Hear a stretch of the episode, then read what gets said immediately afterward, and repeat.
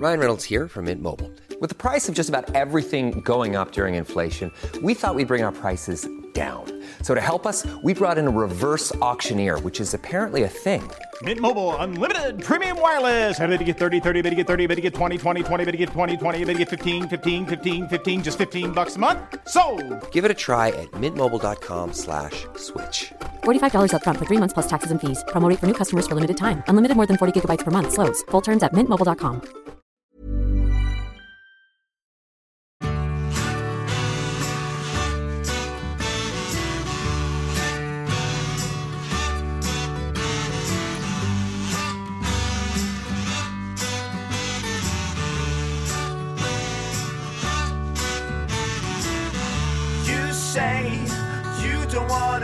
about it. You may rather be choking on it today, whether you like it or not. The words come stumbling out. The next stop's where I get off. Hej och välkomna till det elfte avsnittet av veckans samtal. Idag som vanligt tillsammans med mig, Johan Ahlberg och expertkommentatorn, sportjournalisten och tv-personligheten Jesper Husfeldt. För er som tycker jag låter lite annorlunda idag kan jag säga att ni har helt rätt. Jag ligger hemma med förkylning och någon form av halsvirus som har satt sig på stämbanden, så därför kommer jag hålla det här introt väldigt, väldigt kort idag. Hur som helst så är Jesper som sagt expertkommentator och tv-personlighet på TV4 och jobbar även som sportjournalist för fotbollskanalen.se. Jespers resa har i korta drag gått från Linköping där han kommer ifrån, via Kanal Plus till TV4 och fotbollskanalen.se som han jobbar för idag. Vi pratar givetvis om eh, fotboll, Jespers uppväxt, karriär, svårigheter med yrket som expertkommentator, träning och Jespers framtid. Så, här har ni samtalet med Jesper Husfeldt. The next stop's where I get off. Hur mår du Jesper? Jag mår bra. Det känns ju som att du har väldigt mycket runt omkring dig hela tiden. Mm. Trivs du med det eller är det en börda för dig? Eh, både och. Efter sommaren här så... Um, när man kommer tillbaka så är det väldigt mycket varje höst känner jag. För att komma ikapp. För allt man har försakat på sommaren. Och sen så... Hur mycket jag än betar av så känns det som att det dyker upp nya grejer hela tiden. Och sen kommer man in i december. Och då börjar gladiatorerna, inspelningarna. Och då är det järnet från början av december fram till mitten av februari. Och jag har för mig att någonstans där i mars, april så kan man börja pusta ut lite och sen så är det lite lugnare. Och sen är det ju rock'n'roll sen för det mesta hela sommaren. Och så börjar det där om igen. Så det kanske går lite i, i halvårsintervaller kan jag tänka mig. Många behöver ju den eh, pressen för att känna att de ska kunna leverera. Känner du också så eller känner du på något annat sätt? Nej, mitt problem är nog att jag är lite spretig. Att jag har så mycket olika bollar i luften. Att jag gärna hjälper till med allt när någon frågar också. Så ställer jag i princip alltid upp. Svarar alla. Det ringer, det är sms, det är mail, det är hit och dit med sociala medier. Kan du göra det här? Kan jag få två biljetter? Fixa två biljetter till en PSG-match? Har du två biljetter till Bayern? Hur- Vad gör man i Italien en vecka? Eh, Så alla de här grejerna kommer mm, emellan allt det här som jag ska producera och göra. Och då försöker jag hjälpa alla människor.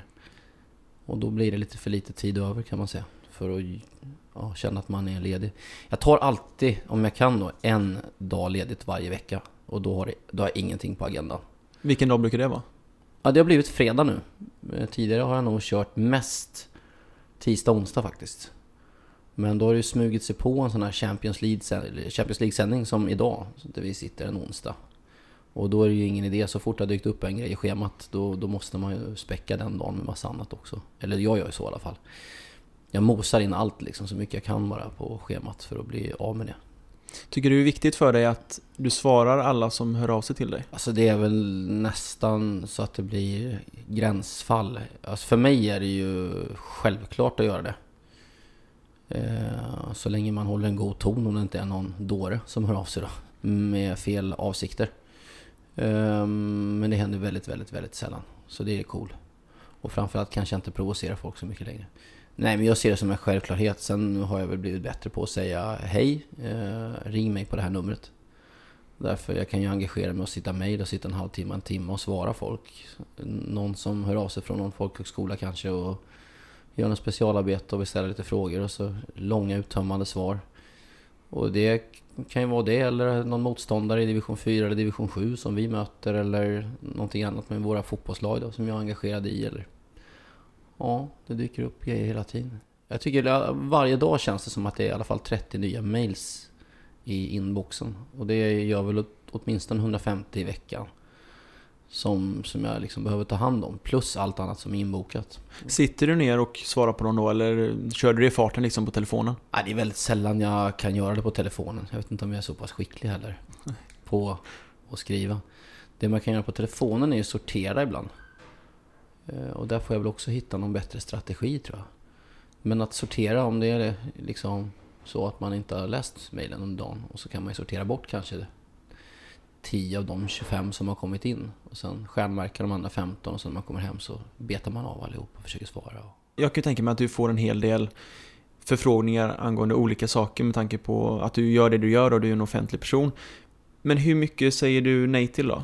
Alltså, det bygger väl egentligen på... Jag måste ju prioritera, känner jag själv, eh, bolagets omsättning lite grann. Så att är det så att jag blir engagerad i uppdrag som, som faktiskt finns lite vinning i, då är jag ju på.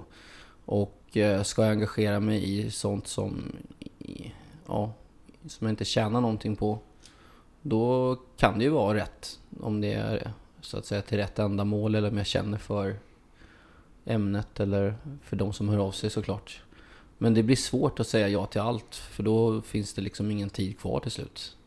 Så att där försöker jag ändå uh, välja, vara rätt selektiv. Men när det är professionella uppdrag försöker jag tacka ja så ofta jag kan. Om det, om det inte är, ja så att säga, ibland så blir man erbjuden att göra grejer till, och, och se, skampris eller vad får man säga. Uh, då, det har man inte heller råd med i längden. Faktiskt. Finns det saker som du vill göra som, men som du blir tvungen till att säga nej till? Nej, det är nog inte så mycket. Nej, det är nog inte.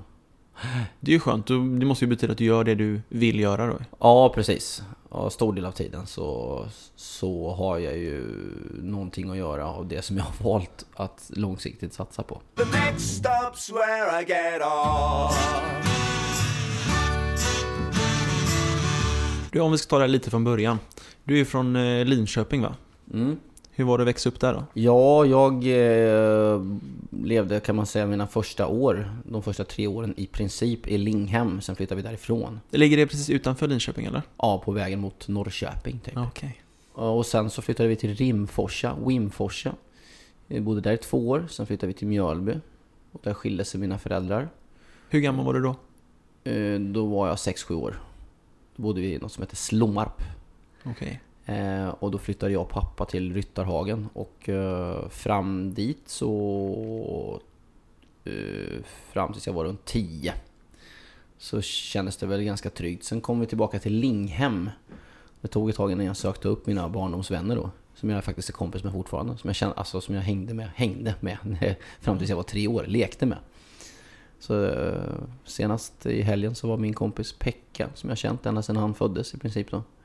Eh, uppe hos mig och hälsade på här. Han bor kvar i Linköping i Ekängen.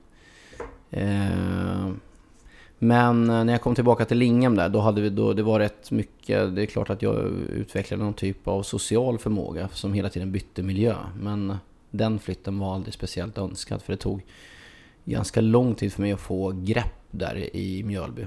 Känna mig trygg och, och sådär. Jag var väldigt otrygg de första åren i skolan där. Och... Berodde det mycket på att du flyttade runt så mycket också eller? Nej, jag vet inte vad det berodde på faktiskt. Det var väl, no jag kände, det var väl några som var elaka mot mig de där åren på, på, på dagis och, och lekis. Och jag har ju alltid varit liten liksom. Så för min ålder så har jag haft ganska svårt, tycker jag. Då hade jag ganska svårt att försvara mig.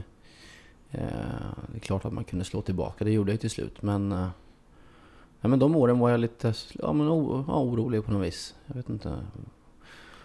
Eh, för sociala sammanhang och sådär. Större sociala sammanhang. Och eh, sen blev jag ju trygg då under de där åren i Mjölby. Och tyckte det var fantastiskt kul att spela fotboll med mina kompisar i Mjölby AI där och vi vann väl i princip allt. Eh, ja, vi kanske torskade fem matcher där, de här fyra åren jag spelade. Så vi var ju ett av Östergötlands bästa lag. Då spelade jag som högerback. Och så gick det bra med tennisen. Eh, Jag fick spela i Norrköping i, i Kalle Anka Cup och sådär. Jag var en av dem, jag var finalist där i Mjölby och tog mig vidare. Hur gammal var du då? Då, det var 1984 då, så jag var 10 år. Jag spelade ju på somrarna då tillsammans med Thomas Johansson en del. Jaha. Eh, hos min mamma då i Malmslätt. Hur kommer detta sig? Eh, jag eh, spelade alltid nere vid Gula huset som det hette i Malmslätt. Ett, ett eh, litet gult, vad ska man säga? Som en liten, litet, vad kallar man det då? Inte dagis eller fritidshus men ett samfällighetshus. Någon, ja, jag vet inte vad det som fanns där inne Nej. vid Gula huset. Men så var det i alla fall. Och där fanns det en plan som var lite mindre än en tennisplan. Och där samlades vi kids jämt på somrarna och spelade och spelade och spelade och nötte och nötte. Jag och en kille som heter Johan Karlsson, kallades för Koan. Han slog väl mig ofta. Eh, jag slog väl han ibland kanske. Men jag var ju nästan alltid där nere. Jag hade väldigt nära till det gula huset. Och de flesta andra kidsen där nere spöade jag i tennis. Jag hade spelat eh, några år då. Och sen så gick de och tjatade på att jag skulle få möta Thomas, alla kidsen. Och du måste möta Thomas, sa de. Du kommer få stryk eller du kan slå honom eller du vet hit och dit. Så det var rätt mycket folk sådär. När vi mötte varandra första gången. Och då var det lite duell. Och han kom ju ner i det med amatörrack dit. Eh, och var väldigt ödmjuk. Och eh, som jag minns det så gick det väldigt bra första gången för mig när vi möttes. Och det tänkte jag att det, det där har jag säkert drömt. Men sen så har jag fått det bekräftat efteråt då, eh, när jag varit hemma i Linköping. Men är ni samma ålder eller? Nej, han är två år yngre. Ja, okej. Men han var ju en helt osannolik be- tennisbegåvning när vi var så små. Redan då? Ah, otrolig. Jag, jag, jag umgicks med honom och eh, ja, det var ju Christer, hans pappa då, som, som drev på det. Han var ju sjuk då, förtidspensionär. Men eh, som stöttade Thomas under de här åren väldigt mycket. Och eh, ja, du vet när han kastade upp bollen Tompa så, så nitade han på bollen typ en meter bakom huvudet om du tänker det. Rakt bakåt, inte Ja. uppåt utan bakåt för att få topp på den. Ja. Så den studsade alltså över huvudet på oss kids där nere. Och på en liten tennisplan också. S- Helt osannolikt att bara se på en kille som var 8-9 år slå en sån serve. Det såg ut som en Tor-serve fast det var ett barn som höll i racket liksom. Det var sjukt alltså. Ja, det var, han var brutal alltså. Jag hade en gammal eh, tennislärare, jag har också spelat tennis. Mm. Jag hade Sveriges juniorlandslagstränare, eh, Claes Ivarsson hette han. Eh, och han var sån, även om han kanske var 50 då, så kunde han göra exakt sådär. Alltså han kunde säga, ställa upp en kon på andra sidan. En liten kon. Och så bara pricka den. Ja, det är. Det är så coolt med sådana som verkligen kan sin grej till maximalt. Ja. Oavsett om det är sport eller om det är, jag vet inte, ett Ja, ämne det matte eller något. Ja, vi blev ju äldre där och eh, var ute och busa på byn. Och då kunde ju han försvinna iväg någon timme eller ett par och sitta och trampa cykel på Ekoxen som det heter inne i Linköping. Han var så målmedveten. Han visste precis vart han var på väg. Han var ju borta något år nästan. Men jag tror det var en armbågsskada. De sa till honom att du kommer nog inte komma tillbaka igen. Men han kom tillbaka och eh, han blev ju inte så här en stabil topp top 10-spelare. Men han var ju länge topp 20 där uppe. Och så fick han ju vinna Australian Open också till slut. Det är ju rätt häftigt Fasse. eh, Att vinna en Grand Slam. eh, Som inte Thomas Enqvist lyckades med. Han var ju i final.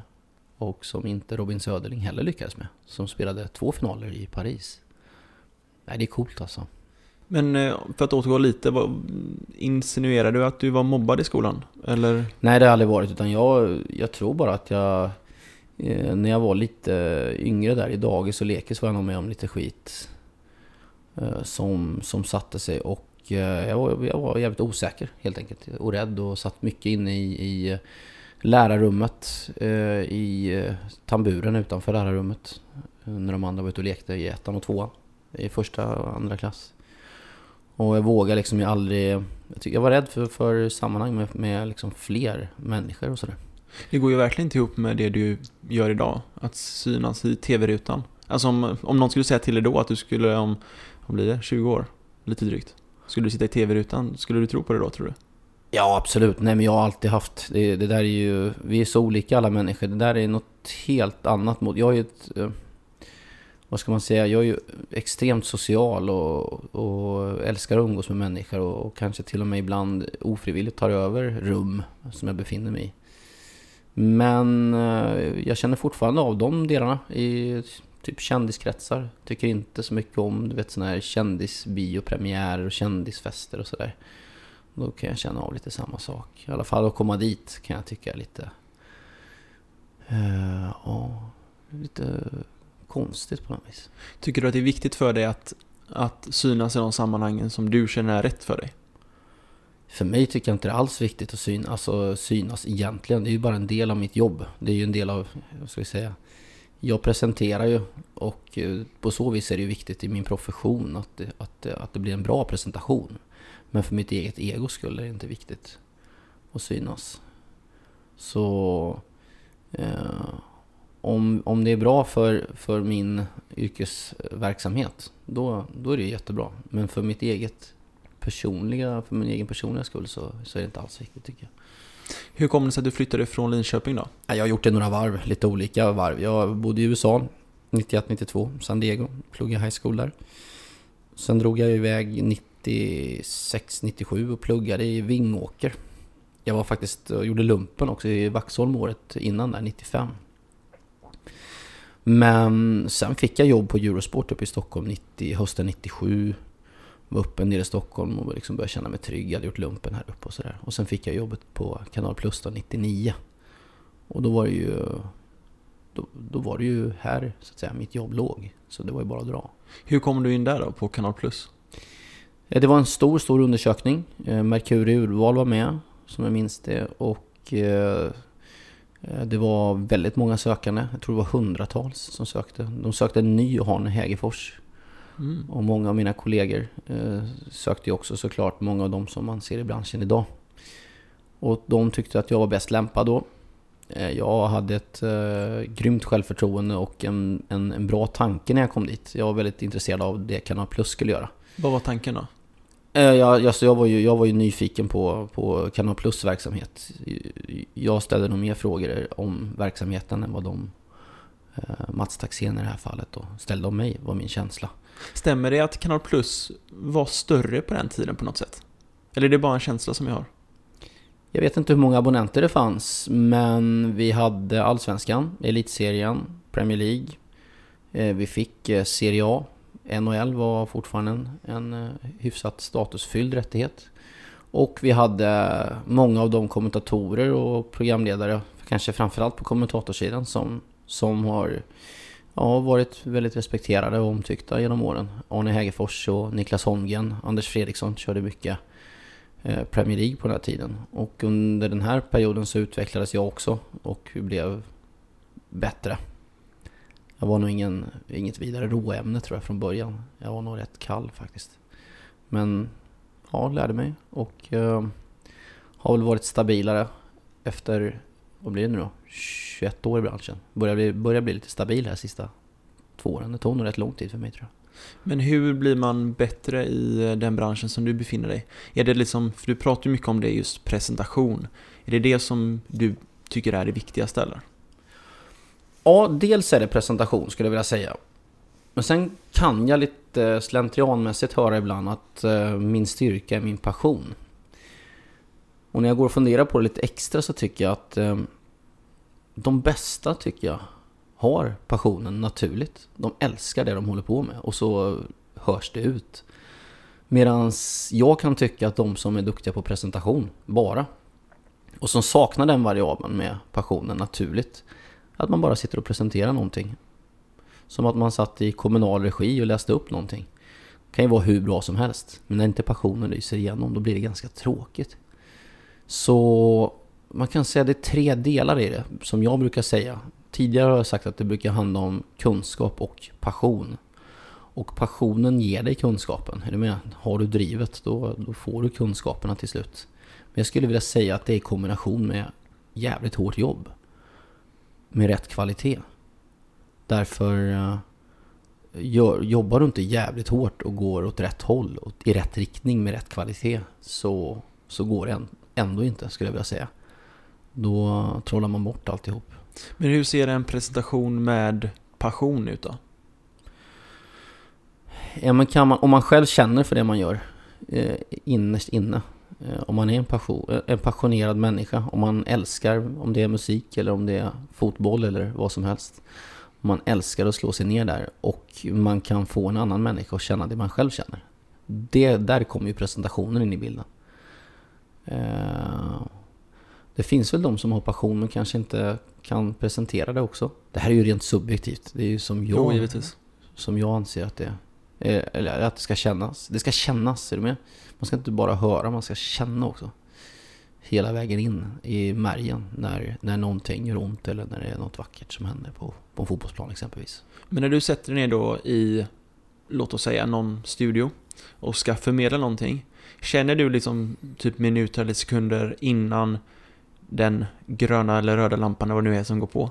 Känner du då att liksom att nu jävlar. Eller hur, känn, hur känns det liksom innan man är live? För jag, jag kan ju tänka mig, eller jag har ju ingen erfarenhet av det, men jag kan tänka mig att det är något, någon slags kick som sitter, sätter in där. Eller är det så? Eller är det liksom helt naturligt för dig? Nej, där är jag nog de som är mer tända och taggade än jag tror jag. Och sen är det så här, det, det jag pratade om nu var ju kommentering. Eh, som när det är programlederi, då tycker jag att det kan räcka med en ruggigt bra presentation. Och eh, då är ju bara den här lilla, ja, ska vi säga passionen då, det kanske vi kan bryta av och kalla för passion slash karisma. Någonting som ger lite extra i rutan. Eh, kanske ännu viktigare. Nej, jag är nog eh, rätt eh, avslappnad. Och eh, hyfsat koncentrerad på, på det jag ska göra. Inte, får inte de här eh, bubblorna. Det får jag om, jag. om jag går och tittar på... Vi säger att jag står på Olympica och, och ser Roma-Manchester United som eh, åskådare. Då har jag det pirret och den känslan och tycker det är fullständigt, fullständigt magnifikt att bara stå och titta på den här matchen. Men sitter jag där som kommentator så är jag eh, lugn, fokuserad och vet att det är ett jobb jag ska utföra och utföra det så bra som möjligt.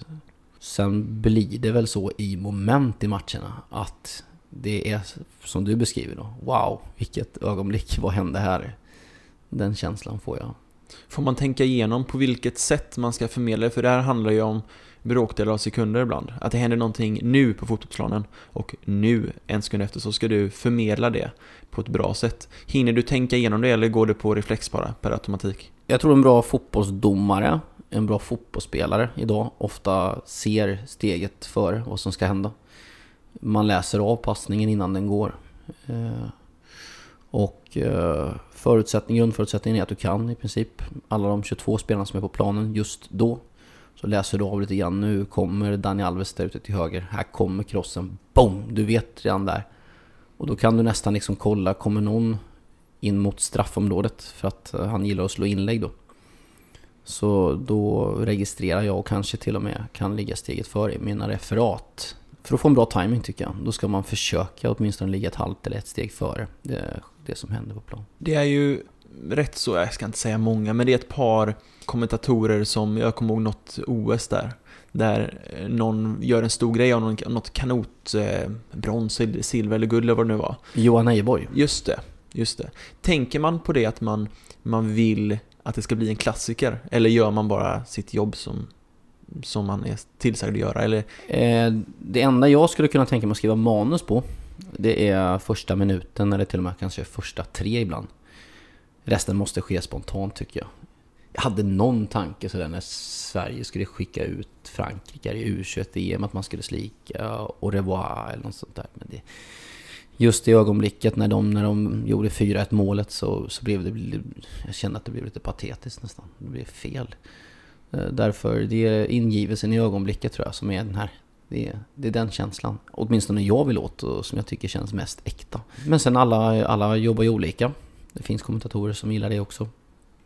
Och eh, sen är vi olika. Jag är aldrig subjektiv när jag kommenterar i den bemärkelsen att jag säger att jag jag tycker eller jag. Det finns ju många av kommentatorerna som eh, använder mycket jag-fraser och, och ja, men sätter sig själv i sammanhang eh, som är helt ointressanta för matchen. Den som jag tycker är, eh, ja, eller vår tids Hyland brukar ju kalla Lasse Granqvist.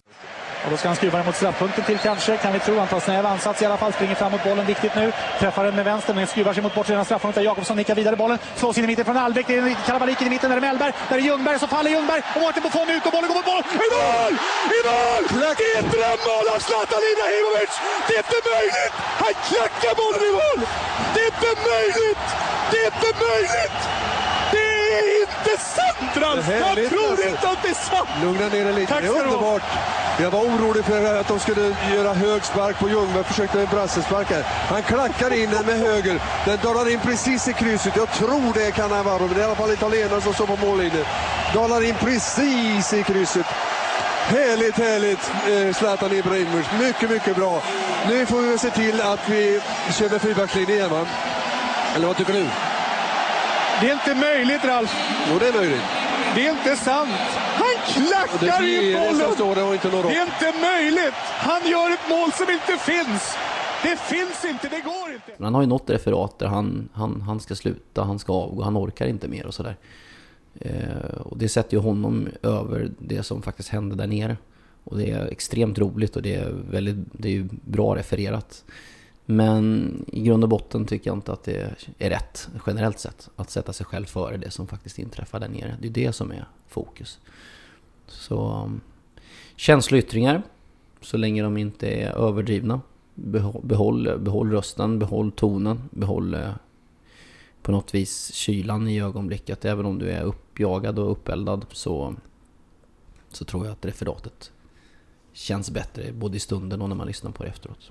Är det skönast att sitta själv eller tillsammans med någon? En liten sidekick så att säga. Eh, det beror lite på. Eh, det finns, eh, jag menar när man har ett bra samarbete med, med en expert då tycker jag då blir det ju, då blir ju jobbet som allra bäst. Men jag kan tycka faktiskt ibland att de där matcherna går väldigt bra att göra, att man inte behöver experten. Eh, så det där är de mest optimala upplevelserna. Det blir jag, tror jag, med en expert. Men det behöver inte vara fel Hey, I'm Ryan Reynolds. At Mint Mobile, we like to do the opposite of what Big Wireless does. They charge you a lot, we charge you a little. So naturally, when they announced they'd be raising their prices due to inflation, we decided to deflate our prices due to not hating you. That's right. We're cutting the price of Mint Unlimited from $30 a month to just $15 a month. Give it a try at mintmobile.com slash switch. $45 upfront for three months plus taxes and fees. Promo rate for new customers for limited time. Unlimited more than 40 gigabytes per month. Slows. Full terms at mintmobile.com. en ligaomgång att köra utan. Sen är det så här att den man sitter med, den vill jag ju helst tycka om och ha stor respekt för och vi ska ju helst ha en, en timing med varandra. Eh, för, att, för att jag ska känna mig avslappnad, man ska jobba många gånger tillsammans. Då blir ju vi som bäst. Det är lätt att, vad ska man säga, dela upp matchen fel om man inte har eh, den dialogen mellan varandra hela tiden. Då blir man inte två partners. The next stop's where I get off. Du som jobbar med presentation så mycket, när du sitter och kollar på vad, vad det nu är på TV, kan du liksom kritisera, eller inte kritisera så offentligt, men kan du tänka så här, ah fan det där var riktigt dåligt, alltså oavsett om det är en fotbollsmatch eller om det är en annan presentation i någon TV-soffa, att jag vet inte, att någon sitter och ska presentera en, en ny gäst som kommer in, kan du tänka liksom att han borde nog ha sagt så här, eller hon borde nog ha sagt så här istället? Det är klart att uh, i den här uh, yr yrkeskåren så, så finns det ju några som åtminstone jag har en enorm vördnad och respekt för, som jag tycker gör saker förbaskat bra. Och jag skulle vilja se dem nästan i alla roller. Och de, de är inte så många som man ser upp till. Sen finns det många som är väldigt skickliga Eh, i övrigt. Och eh, det finns väl som i alla yrken, de som inte når upp alltid och som kanske inte tilltalar den stilen som jag gillar eller som har en sämre dag på jobbet, precis som jag själv. Så jag tror att det handlar nog, det spelar nog ingen roll tror jag. Sen är ja, men det är klart att det blir en yrkessjukdom lite grann och, och granska lite grann hur, hur man använder språket. Jag har ju fått Bengt Grive som språkmentor. Så eh, han var ju så fruktansvärt hård de här åren. Eh, och då finns det ju massor av ord som jag aldrig skulle använda i, en text eller i ett referat. Vill du nämna ett par? Alltså du kan förödmjuka en motståndare på fotbollsplan men du kan aldrig förnedra. Därför förnedring sker inte i sportsammanhang. För, man, man för, för, förnedring sker ju när, när det är en individ som inte vill vara med på, på det som händer. Men det, alltså, en eh, sport är mellan två lag eller, eller individer där man har liksom ett, givna regler från början. Är du med på vad jag menar? då? Mm, jag förstår det. Och då, då, inom, inom de givna reglerna så, så är det klart att det är förödmjukande att förlora med 1-7. Men det är aldrig förnedrande. Exempelvis. Mm. Eh, det, finns, alltså det finns hur många språkfällor som helst egentligen. Som puck, pucken ligger lös. Nej, den ligger inte lös, den ligger fri. Mm, okej. Många kommentatorer som kör att den ligger lös tidigt i sina karriärer, precis som jag också. Och det finns nog, ja det finns hundratals sådana där som Bengt gick igenom med oss. Och uttal och sådär också, tycker jag är viktigt. Mm. Exempelvis Jervinho, eller Jervinho, Ja. eller Gervais. Just det, och där kan ju, kan ju jag vara lite fånig också. Vad säger du då? Ja, men jag säger ju Gervinho, för att han kallar sig själv för Gervinho. Jag kan också säga Gervinho. Men det var Simon Bank som, som med en självklarhet sa Gervinho, för att han har levt i Frankrike och verkat där. Och när han spelade i Lille och slog igenom där så var han ju Gervinho. Han blev ju Gervinho när han kom till England. Och eh, det är klart att vi är ju mer så att säga vana vid att lyssna på engelska kommentatorer eller svenska kommentatorer som följer just Premier League då. Och där blev han ju Gervinho internationellt. Men eh, ja, när det gäller just honom tycker jag båda funkar. Men han kallar sig själv för Gervinho och då tycker jag det är lite läckert att kunna säga det också. Idag jobbar du inte på Kanal Plus längre. Hur kom det sig att du hoppade av det tåget så att säga? Just vid den tiden, 2006, så eh, upplevde jag inte riktigt att jag fick de jobb jag ville ha. Eh, och jag tyckte att vi var rätt trötta redaktionellt. Jag tyckte vi, våra redaktörer då som jobbade 9 till 17 kanske kunde jobbat andra arbetstider. Slitit och gnuggat när vi andra jobbade. Eh, det, var ju mycket, det handlade ju mycket mer om att, att vara på plats på helgerna i, i min bransch. Och eh, nej, men jag kände inte att vi utvecklade TV. Samtidigt så hade Fotbollskanalen startat och både Fotbollskanalen, programmet och sajten. Jag tyckte Ola, Ola Wenström gjorde ett eh, kanonjobb där på TV4. De började få in lite bra folk. Hasse Backe dök upp där och alla de här satsningarna plus att TV4 då hade La Liga som var, hade växt enormt där på fyran de åren. Och var väldigt attraktiva när Barca och Real där. Framförallt Barcelona kanske just då. Och de hade vunnit Champions League där på våren. Med Henke Larsson. Och eh, även Serie A hade de börjat plocka delar av. Och då kändes det som att utvecklingen gick dit. De hade till och med börjat köpa allsvenska matcher. Vi vart av med en massa rättigheter. Och då ville jag vara där det hände. Lite grann. Så kände jag. Sen så när jag började förhandla med Kanal Plus så, så ville det Mats Örbrink, eh, som då var i princip nytillträdd sportchef, att jag skulle vara kvar. Och eh, då var jag en av dem som Kanal Plus ville satsa stort på. Så jag vart erbjud, erbjuden ett jättebra, vad ska man säga, jobb där. Med dubbelt pröjs mot TV4 per jobb. Oj, det är ju stor skillnad då ju. Ja. Eh, och drog ändå. För jag var trött på det. Och eh, kände att det spelar ingen roll om jag tjänar halva slanten på TV4. Det är liksom där jag känner att jag kan utvecklas nu. Och, och på något vis hade ju Kanal Plus haft chansen där tyckte jag. Mellan 03 och 06 07 och, och ja, ge- mig roliga uppdrag. Och eh, det här är också väldigt subjektivt. Det är ju... Det här var någonting som jag kände just då. Och eh, ja just då 07 när jag kom till TV4 och några år framåt där så tycker jag det gick relativt bra. Förutom att jag inte gjorde de stora matcherna i VM. Det hade jag gärna gjort. Men det gjorde jag inte av olika anledningar. Eh, så EM och VM så tycker jag det gick bra. Hade roliga uppdrag och sådär. Men när man eh, byter jobb, blir man headhuntad då eller söker man som alla andra? Om exempelvis du då från Kanal Plus till TV4. Jag blir inte så ofta headhuntad, det har väl hänt någon gång sådär. Men eh, väldigt, väldigt sällan. Jag ringde faktiskt Per Nunstedt eh, och eh, jag hade en fråga till honom i december. Jag frågade liksom, för det hade börjat florera rykten om att vi skulle bli av med mer Serie A. Och då var ju liksom hela mitt case på Kanal Plus lite kört. Eh, folk, folk i branschen som sa att de kommer köpa över hela Serie A nästa säsong. Så jag slog Per en signal bara i december och frågade du, stämmer de här ryktena eller vad, vad händer? För att eh, ja, då kanske jag kände att jag var tvungen att röra på mig också. Eller inte var tvungen, men att det skulle vara en bra grej för mig kan man säga. Och då sa Per att, eh, eller vi, vi, vi tar en lunch och snackar om det där. Och sen därifrån, det ena ledde till det andra då. Och där så fick jag ju ett erbjudande som inte var något vidare om, om man ska vara uppriktig. Det ska, ska man ju alltid vara. Men eh, ekonomiskt sett så var det ju inte speciellt bra. Men jag tänkte vi kör på det här ändå. Det, det kändes som att det var läge att dra. Tycker du inte att det är så viktigt, det ekonomiska för dig? Alltså oavsett ifall det är idag eller för 10 eller 20 år sedan, har det liksom varit viktigt vad du får pröjs för saker och ting? Nej, jag var så inne i det här från 93 och framåt så att jag tänkte tänkte aldrig på pengar fram till, vad ska vi säga, runt 2008. Jag jobbade i 15 år. Då var tanken att kunna jobba, kanske inte jobba ihjäl sig, få okej okay pröjs, men ha lite ledighet också och kunna ta det lite lugnt mellan varven.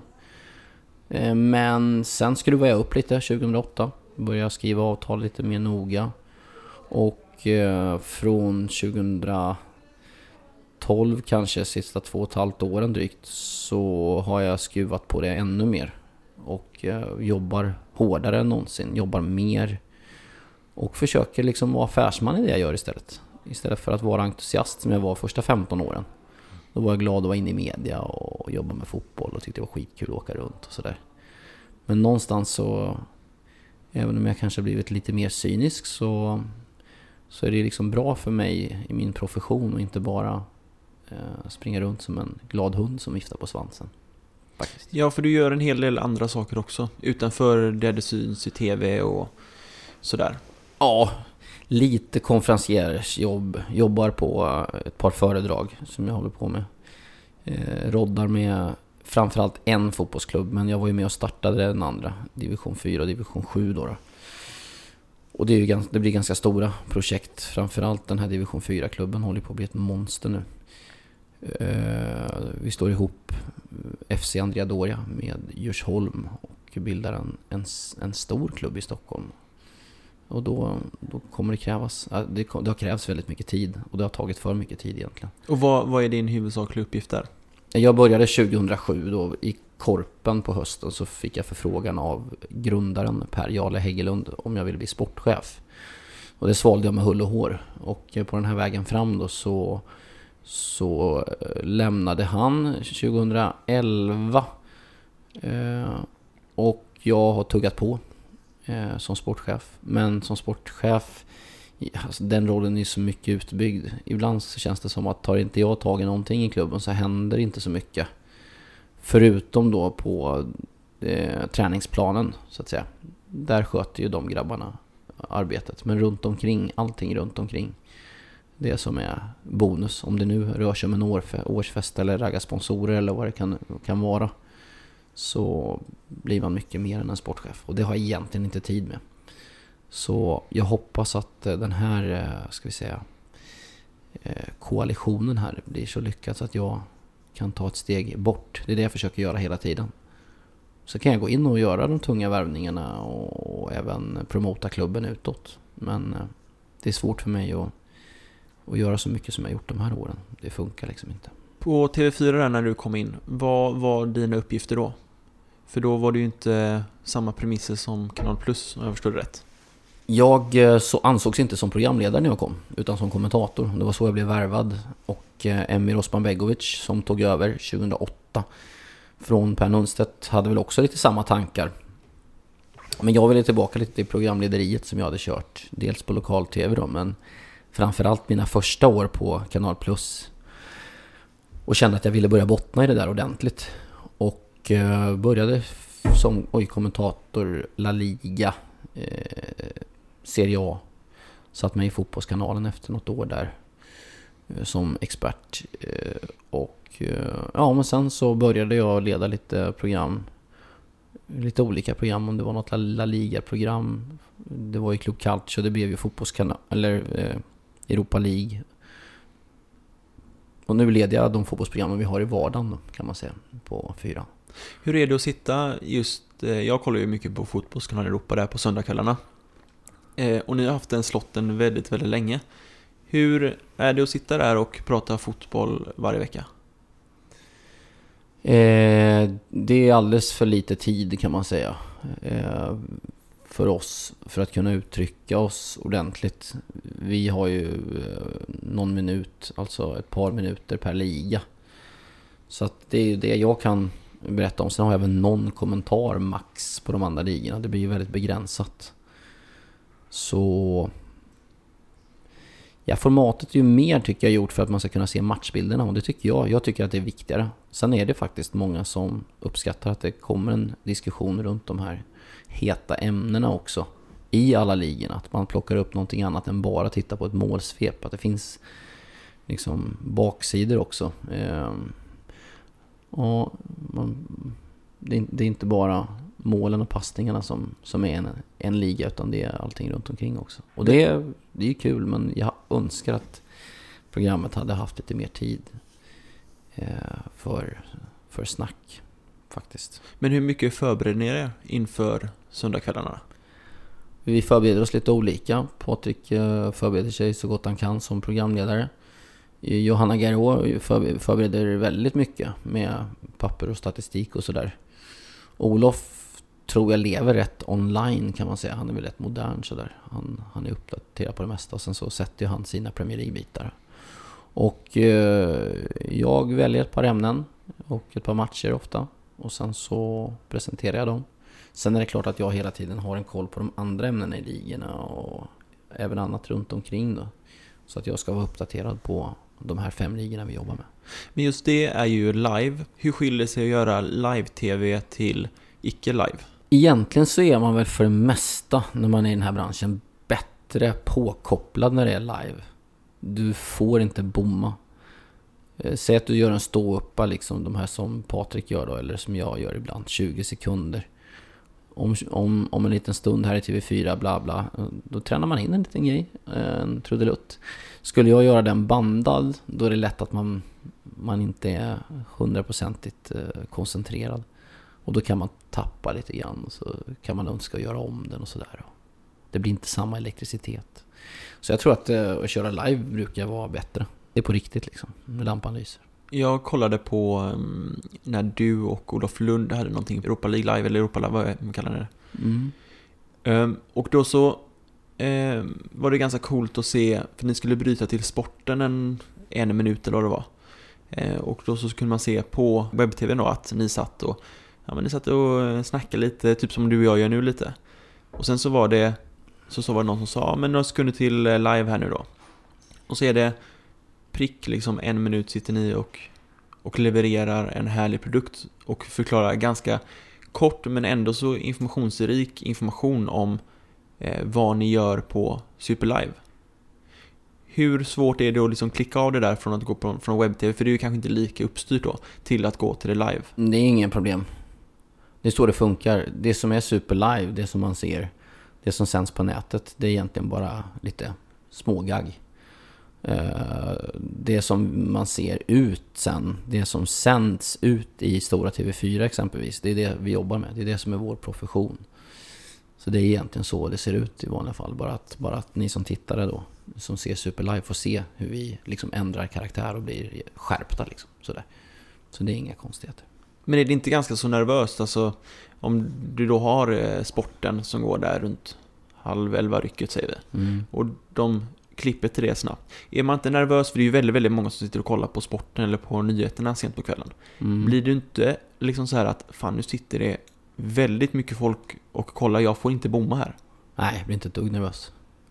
Bara, bara koncentrerad, avslappnad och fokuserad. Nu kör vi liksom. När kan du bli nervös då? Jag blev nog lite nervös förr. Jag tyckte det var lite jobbigt med kameran. Jag ville egentligen börja jobba med radio från början. Det, när jag var yngre. Det hade känts lättare tycker jag. Eh, så jag var, tycker jag, nog aldrig speciellt naturlig. Men de sista åren har det känts lite annorlunda. Jag Känner mig tryggare också att gå upp på en scen inför några hundra människor eller något tusental sådär. Och eh, vad det bottnar i, jag vet inte. Jag känner mig trygg i det jag gör på något vis. Och det gjorde jag inte... Jag kanske inte kände mig lika bra heller. Jag känner mig kanske mer att, att, jag, att jag vet hur jag ska med, ta mig framåt så att säga. Ni hade- ni hade Jag har förstått min egen karaktär lite grann tror jag. Mm. Ni hade ju även någonting på fyran som heter Club Calcio. Mm. Som var, det var lite mer ingående information eller vad man säger, om eh, Serie A. Men det gör ni inte längre. Varför då? För det, jag, så som jag uppfattade det så, det var väldigt uppskattat.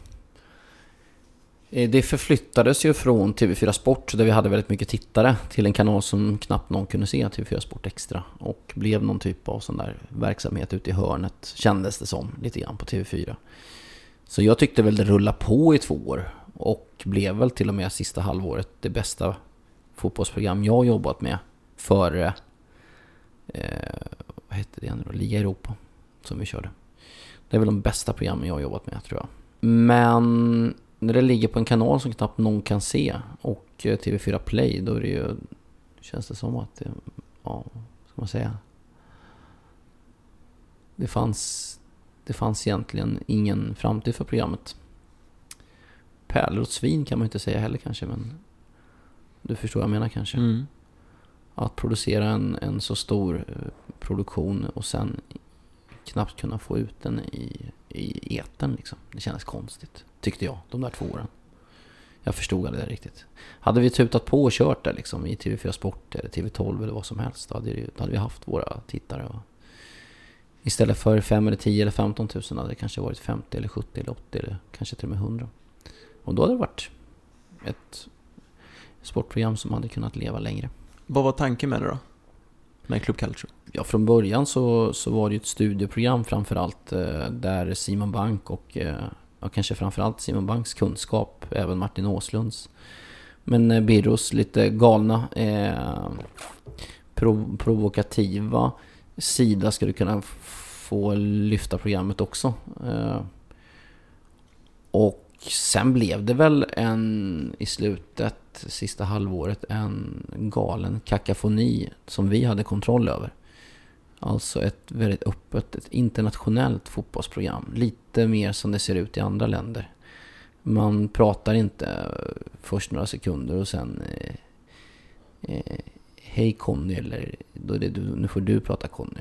Utan här var det lite mer öppet och lite svängrum och man kunde säga emot varandra och bli lite osams och, och sådär. Och det, jag, jag bara njöt ofta när, när de här tre då, eh, Marcus, Thomas Nordahl och eh, Martin Åslund gick loss på varandra.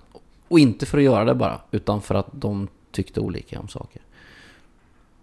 Och det blev lite känsligt. Jag tyckte det var hur läckert som det, ja, Som vi gjorde fotbollsprogrammet sista halvåret är, tycker jag, det häftigaste jag har sett sådär. I fotbollsprogramsväg. Det blir, det blir för stelt uppstyltat tycker jag ofta, de här programmen. Kunde det någon gång vara så att, att vi säger att eh, Birro och Åslund började liksom bråka och sen så tog med sig det utanför och liksom stod och snacka efter sändningen eller var det liksom bara att ja men det här hör till sändningen till och sen så där släpper man det? Nej, vi, det- det, var så eh, uppgjort från början att det, det vi bråkar om här inne, det är inte personligt. Det är det absolut inte. Och eh, nivån var så pass eh, respektfull tycker jag. Det var väl ibland som Thomas och Marcus kunde ge sig på varandra och det blev lite tjuvsvep sådär. Men de hade någon typ av eh, kärlek slash hatkärlek till varandra också som gjorde att eh, det blev en rätt skön stämning. Och eh, ja, just de här lite annorlunda personligheterna som jag skulle vilja säga att alla tre är, gjorde att det fanns en dynamik i programmet. Och alla ville så gärna prata om sina ämnen. De satt inte bara där som panelhönor och så, så liksom tvingar man dem att prata utan de, de hade läst på sina ämnen och de kände sig så grymt eh, laddade inför uppgiften på något vis. Det, ja, en optimal situation faktiskt. The next stop's where I get off. Jag träffade dig i somras när det var VM. Och då kommer jag ihåg att du berättade att du hade jobbat otroligt mycket. Hur stora skillnader är det när du jobbar som allra mest till allra minst? För jag förstår att ett VM exempelvis är ju lite over the top liksom. Det är ju verkligen mycket fotboll hela, hela tiden. Men eh, hur ser det ut för dig? Ja, men under VM var ju ett konstigt uppdrag jag hade. Jag gick ju upp på eftermiddagen klockan 17. Såg matcher eh, hela, hela kvällen och sen på natten och sen så satte jag ihop grejer till Nyhetsmorgon och var vaken hela natten. Och efter Nyhetsmorgon drog jag direkt till gymmet och sen hem. Eh, och somnade mellan 11 och 13 någon gång på eh, morgonen. Och sen höll det på sådär i några veckor. I två och en halv vecka åtminstone. Då sov jag ju bara mellan 4 och 6 timmar per natt. Eller per dag. Det var ju på eftermiddagen jag sov. Och det var i sommar så det kändes väl inte som något sånt där superknäck. Och det var ju inte riktigt det jag var ämnad att göra heller under fotbolls-VM. Men då var det tufft, då fick man bita ihop. Det var ju bra att jag hade träningen där så att kroppen kändes i fas hela tiden. Att jag gymmade och sådär. Eh, sen eh, när jag är ledig, då är jag helt ledig. Då, då stänger jag av allt. Men tar du mycket på en när, alltså, när det är så mycket jobb? Känner du efter de här veckorna att fan vad sliten jag är nu? Ja, jag hade ju alltså inget socialt. Ja, men jag hade ju laddat mentalt för den här perioden. Eh, det hade jag gjort. Så jag hade ju sett till att jag hade roliga saker både före, eh, några dagars ledigt i VM då jag hade roliga saker, och efteråt. Och under den perioden så kände jag ju liksom att det här, det här datumet kommer närmare och då, då ska jag vara riktigt, riktigt utvilad och taggad och, och, och som bäst. Så jag var, jag var utvilad, jag var solbränd, jag liksom kände mig ruggigt eh, taggad inför uppgiften. Och så klart att man tappar kanske lite energi då sista dagen eller sista två. Men då är det bara att pusha igång sig själv lite extra. För att kunna slutföra och göra ett bra jobb hela vägen in då. Du var inne lite på det, men du tränar väldigt mycket? Ja, just det. Jag har gjort det från och till kan man säga sista, vad blir det då? Fem åren va? Fem och ett halvt. Och nu har jag tränat eh, väldigt hårt sista, kanske två åren. Och, under det här året så har jag också, tycker jag, hållit eh, väldigt bra, ännu bättre med kosthållning och sådär tycker jag har varit bättre. Det är lätt att det slidar iväg lite grann och och blir lite för bra mat till Champions League och en flaska vin och dela med någon. Men det är ju härligt det också.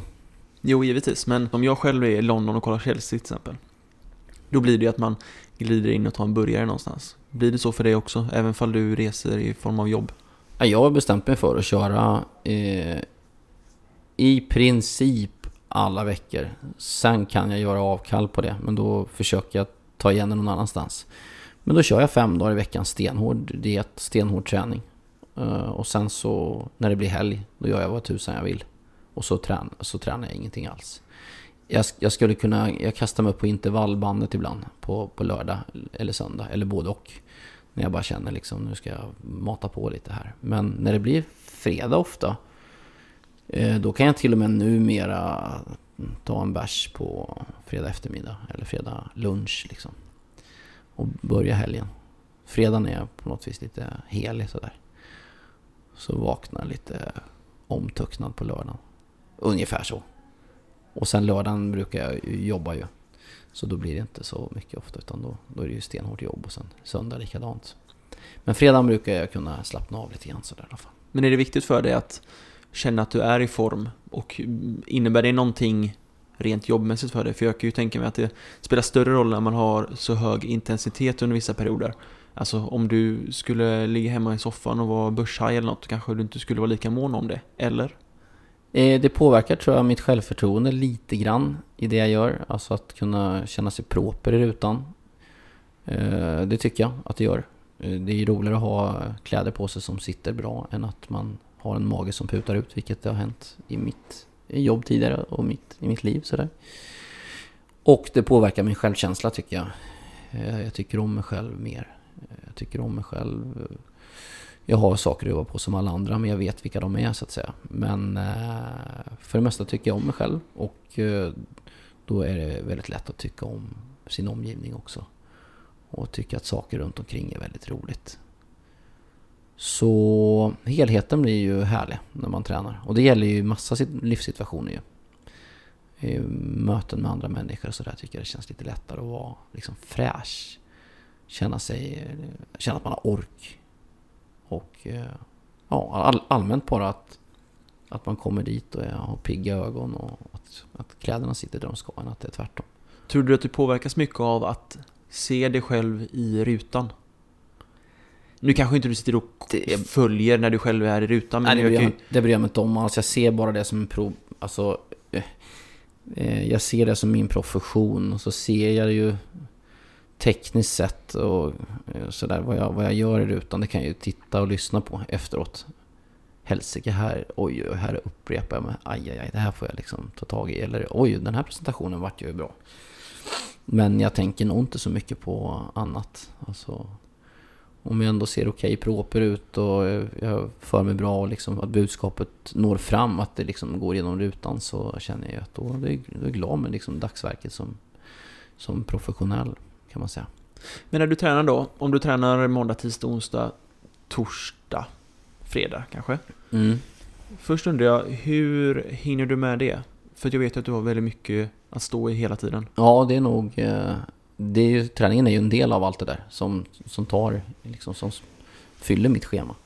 Det ska in någonting liksom där varje dag. Det kanske det är ofta en lunch med någon liksom som, som eh, antingen någon som man tycker om eller så. Eh, om det är någon som är i mitt, ja, min yrkessfär och sådär. Eh, men då går ju någon timme eller två där ju. Det går ett par timmar på träningen. Så det, det, det är inte så att jag tänker hur hinner jag med att träna utan det ligger ju först i min prioriteringsordning. Att eh, få med ett träningspass varje dag, åtminstone måndag till torsdag. Och sen fredag med om det går. Vad är det för träning du gör då? Är det något specifikt? Jag tränar på gym och sen har vi på det här gymmet där jag tränar då, som heter nummer 18, så har vi flera personliga tränare som hjälper oss. Tränar olika muskelgrupper olika dagar. Är det inne i studiegallerian eller? Men det är nära Sturegallerian. Men det är mot Rish-hållet kan man säga. Mellan Rish och Sturegallerian kan man säga ligger det.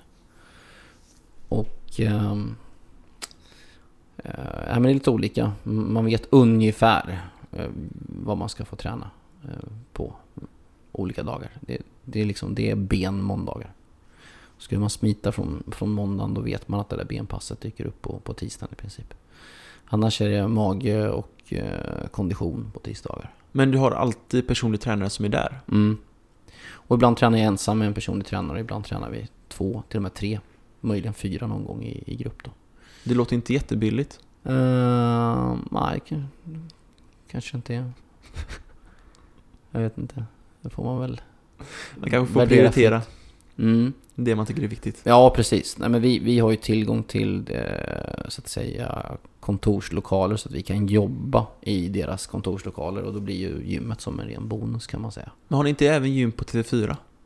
Jo, Använder du det någonting också så här innan eller efter sändningar och så? jag kör intervaller då på lördag söndag där. Det brukar jag kunna göra. Men inte annars, jag är inte där så ofta annars. Men lördag söndag brukar jag springa ner, ta med mig lite löpardojorna och köra. Men nu till exempel efter vi är klara här så ska du springa iväg. Ehm, Vart går du då någonstans och arbetar? Nu ska jag upp till TV4. Eh, vi kör en eh, nätsändning, eh, ett, uppsnacksprogram som kanske inte har fullt samma ambitionsnivå som vi har med de andra programmen. Eh, det är en lite, inom citationstecken, billigare sändning. Men där vi snackar upp Malmös match. Och ehm, det är ju mer att jämföra med, kan man säga, det kvällstidningarna gör. Fast en uppgraderad version skulle jag vilja säga. Riktig TV. Inte det där webb-tv-köret eh, på, på det viset. Utan mer riktig TV fast på nätet. Och eh, ja, snarare så då, än att man gör eh, en fullskalig tv-sändning. Vilken är det som kör ikväll då? Ikväll är det jag och Martin Åslund och sen är det Patrik Ekwall som är på plats i Madrid. Och sen är Adam Pintorp med och är lite sidekick. Jag tror han, han sitter någonstans eh, med en skärm och har koll på grejerna. Vet du. Han är ju duktig på spansk fotboll. Så att han har säkert lite intressanta fakta till den här sändningen. Men om du då kör en sändning ikväll exempelvis, eller som Fotbollskanalen Europa som Ibland blir det ju väldigt sent, alltså det kan ju gå till klockan ett ibland om det är en sen film. Men när kommer du hem och när kommer du i säng och sådär? För du kan ju tänka mig att det blir lite konstigt där, eller? Ja, Fotbollskanalen Europa är ju lite så faktiskt. För där kommer man ju hem klockan ett på natten. Och då har jag ju tidigare kanske somnat tre förr. Nu sker det faktiskt ofta att jag, att jag somnar två, halv tre.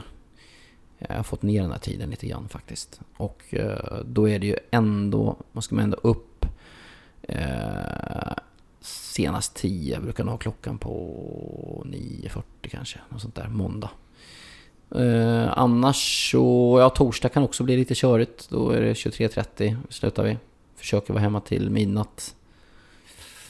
Kanske somnar vi halv två då. Nej, det är lite lurigt de kvällarna faktiskt. Det kan jag hålla med om. Jag är väl rätt van, jag tänker inte så mycket på det. Jag går ändå och lägger mig ganska så sent i vanliga fall. Så. Åker du mycket taxi? Ja. Är det en del av att prioritera att du kommer hem och får din sömn så du kan komma upp och kan träna och sådär eller? Jag är ju från landet, jag har aldrig fattat det där med tunnelbana. Jag har åkt buss lite grann, eh, men det kunde jag göra på landet, men det gör jag inte här. Men jag tror faktiskt, eh, och det kan ju vara fel, att jag sparar nästan pengar på att fara runt mellan olika platser i taxi eller i bil. För jag blir mer effektiv där jag är så att säga. Och jag jobbar nästan hårt överallt vart jag än är. Och i slutändan så blir det mer jobb för mig. Och då kanske det också blir så att jag tjänar mer. Och då kan jag ha råd att åka taxi eller bil. Är det någonting som du vill göra mer utav? Jobba mer med? Mm. Eller rent eh, personlighetsmässigt eller? Ja, jag skulle vilja bo i ett annat land på vintrarna. Det är ju, det är ju utom tvivel. Jag har ju bott i både USA och Italien på vintrarna tidigare. Eh, Italien vet jag inte, men eh, nej, jag skulle nog gärna vilja bo i eh, Kalifornien igen. Skulle kunna tänka mig att resa lite till andra platser ute i världen också. Men jag vill att det ska vara varmt. Det här är inget för mig. Jag känner mig, jag måste, jag måste ha levt något tidigare liv någonstans i något latinland tror jag. Jag Ja, känner ju- inte igen mig här riktigt. Nej, det är ju faktiskt vidrigt. Mm. Så vet man att det är ett halvår så här också. Det Nej, går håller inte över imorgon. Det går inte. Du Jesper, är det någonting som jag inte har tagit upp med dig som du trodde att jag ville prata med dig om? Nej, inte vad jag kommer på. Absolut inte. Du Jesper, tack så hemskt mycket för att du tog dig tiden till mig. Ja, tack så mycket. Tack själv. Ta hand om dig och lycka till ikväll.